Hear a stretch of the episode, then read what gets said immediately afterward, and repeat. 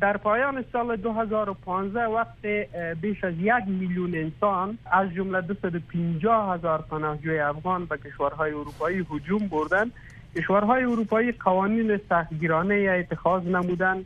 خب دولت افغانستان به خاطر مدیریت بحران گفتگوها را با کشورهای اروپایی آغاز کرد.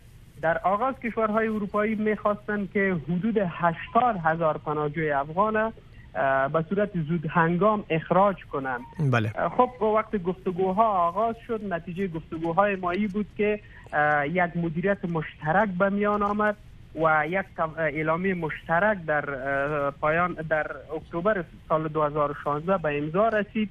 از اخراج زود هنگام پناهجویان افغان جلوگیری شد.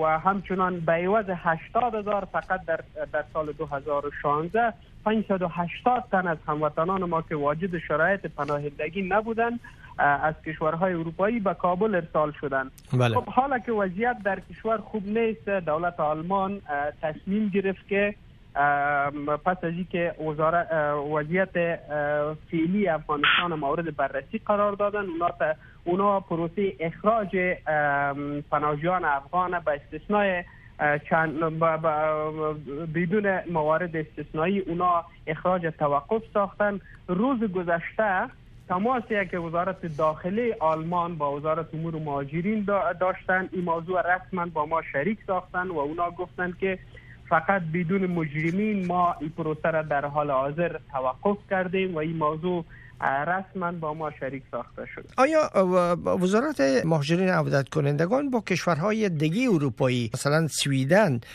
هم تماس گرفتن در این بله. مورد که برای فعلا اخراج پناهجویان متوقف بسازن بله با سویدن هم ما در حالت گفتگو هستیم و امروز که ما با شما صحبت می‌کنم سفیر سویدن ما به وزارت دعوت کرده بودیم یک نشست با سفیر سویدن داشتیم در رابطه با تحسنی که پناهجویان افغان در مقابل سفارت پارلمان سویدن داشتن.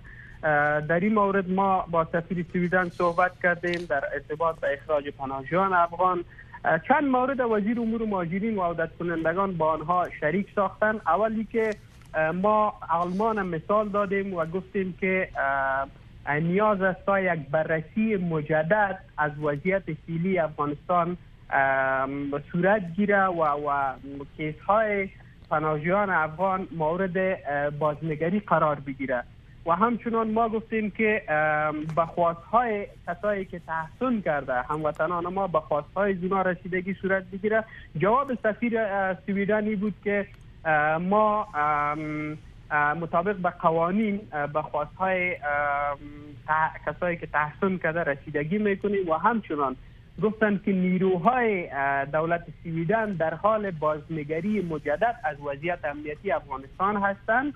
و یک تصمیم جدید در مورد مسائل پناهندگی به زودی اتخاذ خواهد شد برای افغانایی که. بله. فاقد اسناد هویت هستند در این مورد وزارت محترم مهاجران عودت کنندگان چی تصامیمی داره و با مقامات زی صلاح کشورهای اروپایی در زمینه چگونه معامله صورت می‌گیره خب ما اول یک موضوع می‌خوایم به او اشاره داشته باشیم که با سویدن ما یک تفاهم نامه از قبل امضا کردیم و بر اساس او تفاهم نامه کسایی که به سویدن میرن هموطنان ما بر اساس همون تفاهم نامه در ارتباط به پناهجویان افغان تصمیم گرفته میشه. رئیس اداره مهاجرت سویدن به گفته سفیر سویدن که امروز با ما یک نشست داشت گفتن که قرار است رئیس اداره مهاجرت در می روزها برن پیش تحسن کننده ها کسایی که تحسن کردن.